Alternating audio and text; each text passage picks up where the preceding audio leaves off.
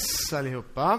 Vi ska den här förmiddagen tala lite, eller jag ska tala lite och ni ska lyssna lite utifrån ett ämne som är ganska, som är ganska allvarligt faktiskt. Det blir, eh, rubriken är Den smala vägen och den enda vägen. Det är det vi kommer att prata om idag. Eh, och jag hoppas att ni ska kunna lyssna trots min eh, snövlighet och eh, rosslighet. Men jag vill att vi börjar eh, med att be. Eh, jag ber och sen kommer jag lämna lite tyst också där ni får be själva. Eh, vi får komma var och en inför Gud och, och förbereda oss och liksom vända våra hjärtan till honom så att han kan göra det som han vill i oss och tala till oss. Jesus, jag tackar dig för att vi denna morgonen får vända oss mot dig, att vi får vara här och att vi får tro att du är här, att du vill tala till oss, Herre. Jag ber att du kommer och öppnar ditt ord för oss. Att du kommer och äh, väcker oss, Herre. Att du kommer med din Ande och ger liv till oss, Herre. Jag ber att vi var och en här inne ska få vara, ha öppna hjärtan och ett öppet sinne, Herre, att ta emot det som du vill, vill tala till oss idag.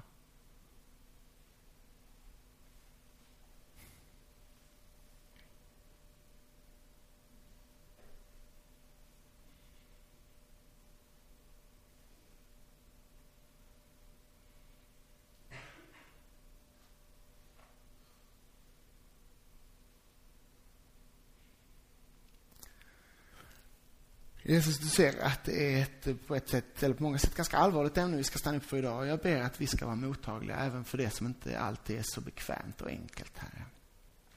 Men jag ber verkligen att du därför kommer, helige Ande, och gör eh, att du är nära oss den här stunden och gör så att det blir rätt, Herre. Tala genom mig och blås bort allt det som inte är från dig, Herre. Och kom och grip tag i våra hjärtan i det, om det som, eh, det som är från dig, Herre. Skriv det på våra hjärtan, Herre. Väck oss, Herre. I Jesu namn ber vi. Amen. Den smala vägen och den enda vägen. Eh, vi ska stanna upp på två ställen som, eh, där Jesus talar just om dessa... Två ställen där Jesus talar om, om vägen. Det ena är Matteus eh, 7, eh, där han talar om, att, eh, om den smala vägen. Och sen ska vi stanna upp i Matteus, eller Johannes 14 där han talar om den, den enda vägen, att det finns en väg. Och vi ska börja i Matteus 7. Eh, och som ni märker så är det ganska eh, allvarliga ord. Men kanske behöver vi ibland eh, stanna upp också för det som Jesus säger som är lite allvarligt faktiskt. Eh, Matteus 7, vers 13. Om ni är med i era biblar. Jag läser i Jesu namn. Det är Jesus som talar. Gå in genom den trånga porten. Ty den port är vid och den väg är bred som leder till fördärvet. Och det är många som går fram på den. Och den port är trång och den väg är smal som leder till livet. Och det är få som finner den. Akta er för de falska profeterna som kommer till er klädda som får, men i sitt inre är rovlystna vargar. På deras frukt ska ni känna igen dem. Inte plockar man väl vindruvor från törnbuskar eller fikon från tistlar. Så bär varje gott träd god frukt, men ett dåligt träd bär dålig frukt. Ett gott träd kan inte bära dålig frukt, inte heller kan ett dåligt träd bära god frukt. Ett träd som inte bär god frukt blir nerhugget och kastat i elden. Alltså ska ni känna igen dem på deras frukt. Inte ska var och en som säger Herre, Herre till mig komma in i himmelriket, utan den som gör min himmelske faders vilja. Många ska säga till mig på den dagen, Herre, Herre, har vi inte profeterat med hjälp av ditt namn? Och med hjälp av ditt namn drivit ut onda andar och med hjälp av ditt namn gjort många kraftgärningar. Men då ska jag säga dem sanningen. Jag har aldrig känt er. Gå bort ifrån mig, ni laglösa.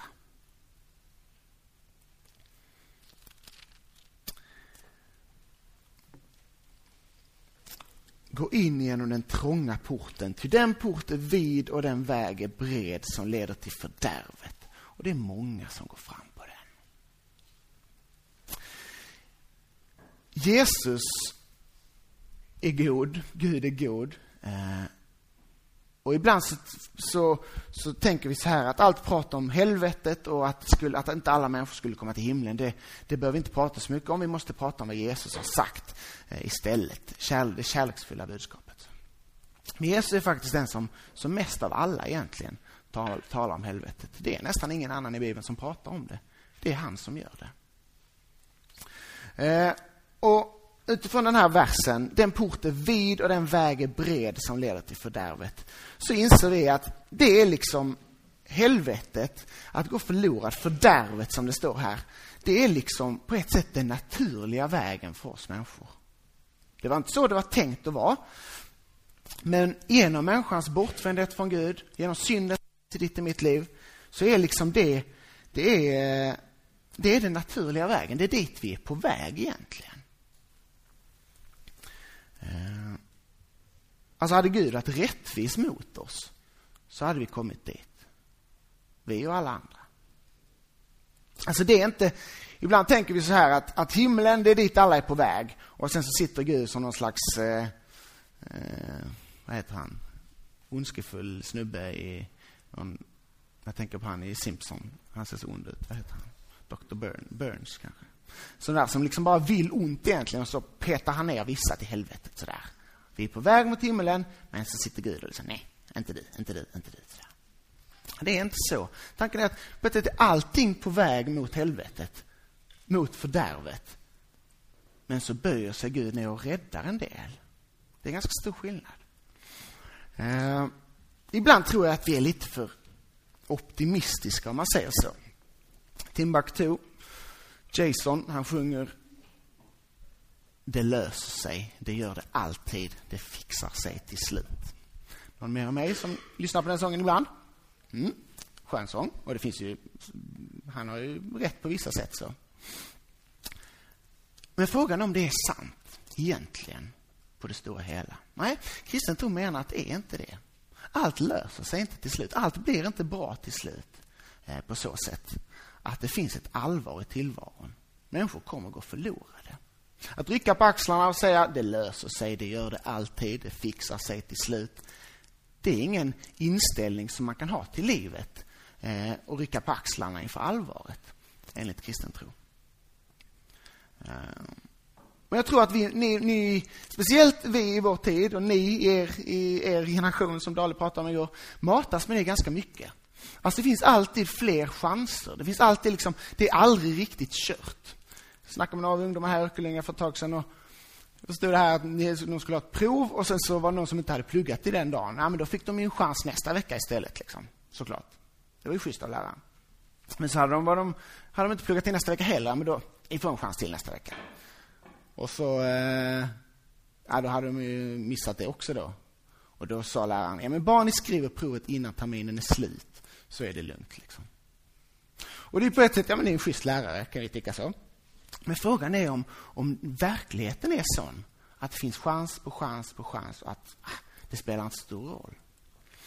Eh, förr i tiden så var det så när man skulle ta studenten, så, eh, så, eh, eller examen hette det väl på den tiden, om man inte hade, fick, så fick man sina betyg samma dag. Och fick man inte godkänt, fick, blev man inte godkänd, så fick man inte ta studenten. Utan då stod alla familjerna utanför och väntade, men då fick man gå ut bakvägen istället. Det blev ingen student. Taskigt. Och på ett sätt kan man tycka att det är inget som vi kanske ska eftersträva så, att man ska behöva gå ut bakvägen den dagen man ska ta studenten för man har misslyckats. Men samtidigt kanske det inte är helt schysst heller av, av lärarna att ge chans på chans och, och ge ett betyg, ett bra betyg, när inte eleven är, är liksom, har nått upp till de målen som krävs. Är ni med? Vi tycker det är schysst och det är det på ett sätt. Men hur schysst är det mot den eleven som går ut med betyg och kommer in på en utbildning där han sen inte har en chans? För han hade inte möjligheten till att klara av det. Är ni med? Ni är med på tanken? Och, och i verkligen i arbetslivet, hur ser det ut då? Får man chans på chans på chans på chans? Nej, det får man inte. Någon som vill bli journalist här till exempel. Om du får en deadline från din redaktör, jobbar på Aftonbladet, klockan åtta ikväll ska din artikel vara klar, du får en helsida med nyheter. Bra, lycka till, kör. Om du kommer klockan åtta, så, ah, nja, alltså, mm, nio, är det okej? Okay? Eller tio, kanske, vänta, imorgon, du får den imorgon. Nej, det är inte okej. Okay. Då får du sparken direkt. Så ser verkligheten ut. Eller om du är brandman kanske. Så ringer larmet, det brinner i kommunhuset i eh, Kristianstad. Ja, jag ska bara vänta lite. Jag har en grej här jag måste fixa först. Eh, jag kan göra det sen. Nej, det är inte så verkligheten funkar. Det finns ett allvar i verkligheten. Eh, och Jag tror ibland att vi bara är, är lite för skyddade från den. Vi tänker att allt löser sig, det fixar sig till slut ändå. Det spelar inte så stor roll. Nej, och Jag tror att det är en, eh, en liten lögn som vi får vara, eh, får vara på vakt mot. Vi i väst lever så grymt skyddade också. Alltså därför folk, när det händer någon, någon olycka eller så, så blir vi helt chockade om någon skulle dö. Alltså det är klart, det är naturligt att vi blir chockade om någon skulle dö. Men vi lever så skyddade så vi tänker liksom att, alltså, det här skulle ju inte hända oss, tänker vi. För alltså allvaret i verkligheten, det är vi så oerhört skyddade mot. Så vet jag att en del av er har fått liksom eh, smaka på det allvaret i verkligheten, men många av oss har aldrig gjort det. Vi har aldrig sett en död person, vi har aldrig varit med om en olycka, vi har aldrig drabbats av någonting. Vi lever i en oerhört skyddad värld. Men det finns ett allvar i tillvaron. Eh, och så även med, med verkligheten enligt Bibeln. Eh, för det som Bibeln säger och det som känns ganska obvious när vi kollar på världen runt omkring oss, det är att den här världen faktiskt är körd. Det går utför. Ehm, kan det någonsin bli bra igen? Ehm, och att vi människor också är körda.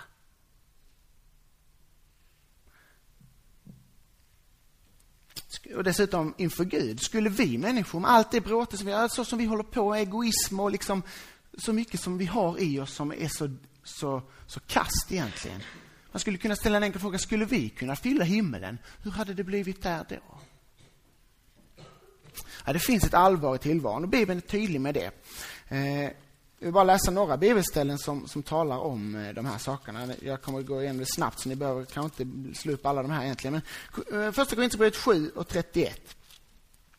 Eh, Ty världen sådan den är går mot sin undergång. Den, världen som den är går mot sin undergång. I Lukas 13, 5 säger, fortsätter Jesus, om ni inte omvänder er kommer ni alla gå under på samma sätt. Matteus 24 och 25 talar Jesus om, om den yttersta tiden. Och det är hisnande ord som han säger. I Matteus 24, 21 till exempel. Ty det ska då bli en så stor nöd att någon, något liknande aldrig har förekommit sedan världens begynnelse och aldrig mer ska förekomma. Och om den tiden, i den yttersta tiden, om den inte förkortades skulle ingen människa bli frälst. Det finns ett väldigt allvar i det Jesus säger. I vers 37 och 39 i samma kapitel talar om den yttersta tiden, så säger han, ty som det var i Noas dagar, så ska det vara vid Människosonens återkomst. Så människorna levde dagarna före floden, de åt och drack, gifte sig och blev bortgifta, ända till den dag då Noa gick in i arken, och de visste ingenting förrän floden kom och ryckte bort dem alla. Så ska det vara vid Människosonens ankomst. Bibeln talar om ett oerhört allvar. Och vi kan känna ibland lever i en sån oerhört skyddad bubbla och tänka att det löser sig. Det gör det alltid. Ja, det fixar sig till slut. Det var första gången och enda gången som jag sjöng här framme inför er alla. Är ni med? Det finns ett allvar i tillvaron. Vi är på väg mot helvetet, mot en tillvaro utan Gud. Och man kan tala jättemycket om vad helvetet är, men det är inte något, det är en god, Gud måste reagera mot det som är ont. Alltså det är inte, det är inte Gud som liksom, och tyvärr får det bli så här, utan det är något gott. Gud, helvetet är liksom inte en plats där djävulen regerar, helvetet är den platsen där djävulen ska få sitt straff. För att, och alla människor som inte vill ha med Gud att göra, precis som djävulen, får vara där i en tillvaro utan Gud. Gud bjuder till fest och de som vill ha med honom, de får vara med på den festen. Men de som säger nej, de som inte vill det, de som inte vänder sig mot honom, eh, kommer gå förlorade. Och jag tycka det är tråkigt, tråkigt så här på ett härligt läger. Vi är här, 100 pers, vill ha det kul, vi ska ha nyårsfest ikväll och det ska bli gött så här. och så kommer jag att prata om det här. Men jag tror så här att inser vi aldrig allvaret så kanske man heller aldrig inser poängen med vem Jesus är och vad han har gjort. Inser vi aldrig allvaret så inser vi kanske heller aldrig poängen med Jesus. Evangeliet är det glada budskapet. Så vi ska inte stanna i, i, i, liksom, i det här bara. Det finns ett glatt budskap också. Men eh, kanske har vi inte alltid fattat vad som är så bra med evangeliet. Varför det är ett så glatt budskap. Är det verkligen så glatt? Vad är det som är så toppen med det? Liksom? Om vi inte fattat allvaret. Det är lite som att du är ute en dag, kanske är nere i Egypten någonstans, i Hurghada till exempel, och så ligger du där och snorklar och så kollar du på alla de här fantastiska eh, fiskarna och grejerna som simmar runt och då har det gött. Och helt plötsligt kommer det en båt körande rakt mot dig och de eh, eh rakt mot dig. Vad håller de på med? De galna eller? kommer en båt, de stannar upp, girar och de drar upp dig i båten och slänger och drar dig och kör därifrån. Och du tänker, vad håller ni på med? Är ni dumma i huvudet? Ni förstör min fantastiska snorkling. Så kanske vi kan känna ibland. Ja, men vad, håller, vad, vad är det här med Gud? Vad, vad är grejen? Liksom? Och sen när du väl sitter i båten så inser du, ser du då hur det kommer ett helt stim liksom med, med hajar som, mot den platsen där du låg och snorklade. Alltså inser du inte det, då, då är det klart de är idioter. Vad håller ni på med? Dra upp mig ur båten. Vem är ni? Vad håller ni på med? Jag vill inte vara er båt, jag vill vara i vattnet och snorkla. Men ser man allvaret, oh, kära någon, hajarna var 20 meter bort. Då fattar man ju. Då är det inte, vad är ni för idioter som drar upp mig i en båt? Då är det, tack, tack, tack, vad kan jag göra för att liksom, kunna säga tack? Liksom? Är ni med? Så kan jag känna att det är kanske med Jesus också. Om vi inte fattar hajarna liksom, som är på väg, fattar vi då vad han har gjort för oss? Då kanske han lever, ah, vad ska du ha med mitt liv att göra? Varför, lägger du, varför drar du mig upp ur min snorkling? Jag har det så gött. Så talar Jesus i vers 14 att den port är trång och den väg är smal som leder till livet. Eh, trång och smal och lite folk. Det känns kanske inte riktigt lika kul. Det är både lättare och roligare kanske att gå där fler går. Inte lika mycket folk som går fram där. Och det är en trång port. Man får kanske klämma sig igenom. Det kostar på lite. Man kanske dessutom får lägga av sig sina grejer som man går runt och konkar på. Kanske böja på huvudet dessutom för att komma igenom. Eh, det kan på ett sätt kännas, det känns inte så kul liksom. Men framförallt är det en oerhört dyster bild. Alltså att majoriteten av människorna inte kommer komma in i himlen. Att det, det är en smal väg. Det är få som går där, på den vägen. Lite mer obekvämt, mycket lättare att glida med bland alla andra går. Eh, men eh, Jesus säger att den är trång och den är smal som leder till liv. Vad innebär det? Varför är det så få som går på den? Om Gud är god och älskar alla, varför är det så få som går där? Jag ska låta de frågorna hänga lite. Det är de som vi kommer eh, eh, kretsa kring idag. Eh, men först av allt vill jag bara säga detta att, att det är en oerhörd, det är en oerhörd sorg. Alltså det är oerhört sorgligt att det är så här. Att många, de flesta människorna kommer gå förlorade. Då ska ni veta att Gud är den som mest av allt sörjer det. Han är inte en doktor, vad heter han, Burns? Nej, Burns. Som petar folk i helvetet och skrattar lite gött. Så gör han alltid så här. Det är inte så Gud är. Gud lider mest av alla av att människor går förlorade. För han älskar alla. Om du älskar någon så älskar han den personen tusen gånger mer, mer än det. Så det är en oerhörd sorg för honom. Men den här lögnen som vi pratat lite om eh, talar Jesus med om här i vers 15. Det står så här, akta er för de falska profeterna som kommer till er klädda som får men i sitt inre är rovlystna vargar. De verkar oskyldiga, verkar bra som får. Det låter fint det de säger. Men Jesus säger, akta er, de är farliga. Eh, en profet hade som uppgift, vad är en profets uppgift? hans uppgift är att tala på uppdrag av Gud, att säga det som Gud vill ha sagt. Det är profetens uppgift. Och ofta innebär det två saker. Det innebär ofta att man sätter fingret på ett problem och för det andra att man pekar på lösningen, på vägen framåt. Vad Gud vill att vi ska göra eller vad Gud ska göra. Är ni med? Sätter fingret på problem och, och liksom pekar på en lösning. Det är profetens uppgift. Eh, Till exempel, om ni har varit med i en bilolycka eller en cykelolycka, ni cyklat och flugit och eh, ramlat och slått er rejält och så är det mörkt ute och så kommer ni in hem liksom och så, så är liksom, och så tänker ni, ja, men jag, det, man har sån, alltså, smärtan kanske dövar, eh, eller liksom chocken dövar smärtan så man känner inte att man är skadad. Liksom. Så kan det vara när man har skadat mycket. Det är på något sätt profetens uppgift om man säger det här att, att liksom tända lampan, föra dig in framför spegeln så du ser att du har ett jack över hela huvudet. Du säger, nej men det, när du ramlat där, nej men det är bra, det är bra, det är lugnt. Jag ramlade, men det, det är okej. Okay. Man reagerar ofta så. Då är profetens uppgift att liksom tända lampan, visa spegeln, kolla, allt är inte bra. Och dessutom säga, men det finns en läkare, ett sjukhus, jag tar dig dit. Är ni med? Det är profetens uppgift. Har du jack i huvudet, så upplyser han dig om att allt är inte bra, men pekar på en lösning. Men så fanns det de här falska profeterna som Jesus talar om då.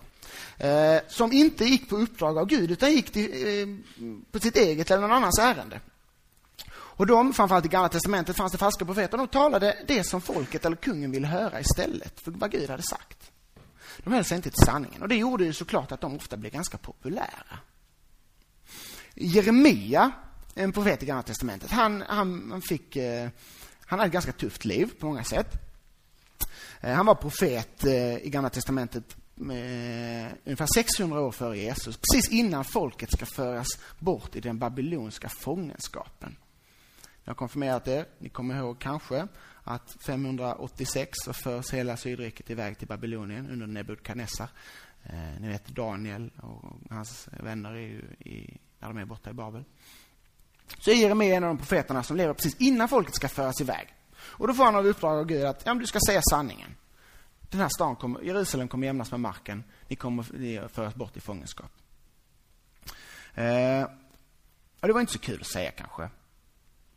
Men det som gjorde det extra problematiskt var att det fanns många falska profeter samtidigt. Och de gick till kungen och folket sa allt är lugnt, Gud är med oss, slappna av. De sjöng kanske så här, det löser sig, det gör det alltid, ja det fixar sig till slut. Det var andra gången jag sjöng det här. Fan, kom igen, eh, är ni med? De kom och sa att det var lugnt. Och vad tror ni kungen gillade om det? Eller vad tror ni kungen tyckte om Jeremia då? Tyst. Vi lyssnar på de här istället. Sjung lite mer. Mm. Och så satt de och lyssnade på det. Det löser sig. Det är ingen fara. Fine. Eh, det gjorde att Jeremia blev egentligen hatad av alla. Av kungen, av folket. Han blev nedslängd i en brunn, han eh, blev stenad, han blev illa omtyckt av... Ah, ingen gillar honom. Det är klart ingen gillar en sån som går och säger alltså, vänta nu, omvänd er, omvänd er, omvänd er, annars är det kört. Babylonien kommer snart och de kommer jämna Jerusalem med marken, Guds stad. Jämna templet med marken, Guds tempel. Och de bara, nej, nej, nej, nej, det kan inte hända. Gud är med oss, det är lugnt. Jeremia hade det tufft. Eh, och, och I Jeremia 6 så finns det eh, kan man höra vad de, vad de eh, falska profeterna säger. För det påminner ganska mycket om eh, Timbuktu kanske. Så, jag gillar Timbuk egentligen, alltså, nu såg jag honom här, men det är inte det som är meningen. I Jeremia 6 och 13 så står det i 13, andra delen av vers 13 där och 14 så står det så här. Både profet och präst, alla handlar lögnaktigt. De tar det lätt med att hela mitt folks skada och säger allt står väl till, allt står väl till. Men det står inte väl till. Är ni med? Allt står väl till, allt står väl till. Men säger Gud, men det står inte väl till. I, vers, eh, I kapitel 23 i Jeremia ser vi samma sak, de falska profeterna, vad de säger. 23, vers 16. Eh, det är Herren som talar. Så säger Herren Sebaot, lyssna inte på orden från de, på de, från de profeter som profeterar för er, till de bedrar er. Sina egna hjärtans syner talar de och vad som inte kommer från Herrens mun. Om och om, om igen säger de till de som föraktar mig, Herren har sagt, det ska gå er väl. Och till var och en som följer sitt hårda hjärta säger de, ingen olycka ska drabba er. Är med? Det är lugnt. Det är lugnt. Det löser sig, ingen fara. Slappna av. Och det gjorde att, att Jeremia hade det oerhört tufft. Han säger att eh, han önskar att han aldrig vore född och, eh, och så, för att han, han lever hela sitt liv. Det är han som har skrivit klagovisorna, det kan man förstå också kanske. Eh, hela hans liv blev bara liksom en motgång, för att han ville säga sanningen. Men alla andra sa, nej det löser sig. Eh, han ville tända lampan liksom och visa, vänta du har ett jack i hela huvudet Israel. Allt är inte väl. Du måste till läkaren. Eh, 586 kom Babylonien och jämnade Jerusalem med marken. Jeremia hade rätt. Eh, men vad har detta med oss att göra? Jo, jag tror att samma tankegångar, samma profeter finns idag. Allt, och man kan formulera lögnen, det är en, av, det är en ondes lögn. Och den är så här, allt är bra och allt löser sig. Allt är bra nu och allt kommer lösa sig sen. Det är en lögn från den onde. Allt är bra och allt löser sig nu. Allt löser sig sen. Eh, men ibland tror jag att Gud vill att vi ska se problemen. Inte för att gotta sig i dem, men därför att han vill göra något åt dem. Och så, Den här lögnen finns också i, i kristna sammanhang. Alltså, eh, Gud, det finns ingen synd, säger en del som kallar sig kristna. Gud har inga problem med synd, det är okej okay att göra vad som helst. Liksom. Det spelar ingen roll, det löser sig. Gud är god, du får förlåtelse, skit i det, det, är inte så viktigt. Det är inte så ovanligt att man hör det. Eller kan lögnen vara så här att har du Jesus så blir livet enkelt, inga problem. Gå till honom så löser sig allt. Det är heller inte på sanningen. Att vi lever i en fallen värld. Allt är inte, allt är inte bra. Så allvaret är att vi lever i en fallen värld. Eh, det finns ondska i världen som kommer drabba oss. Och vi är dessutom delaktiga och ansvariga för den ondskan som finns. Och ondskan är allvarlig.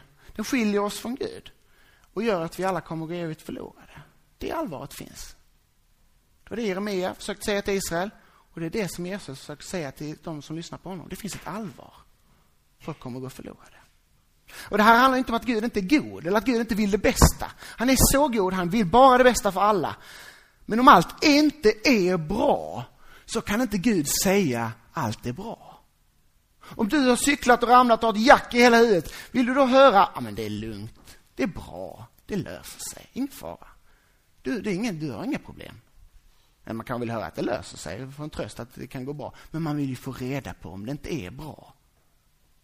Gå och lägg dig. Du har ett jack i hela huvudet, men det säger jag inte. Vem vill ha en sån läkare?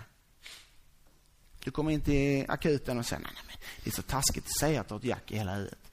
Eller det är taskigt att säga att du är allvarligt sjuk. Om du inte får, så, så att nej, vi gör inte det. Gud är god och därför måste han säga att allt inte är bra.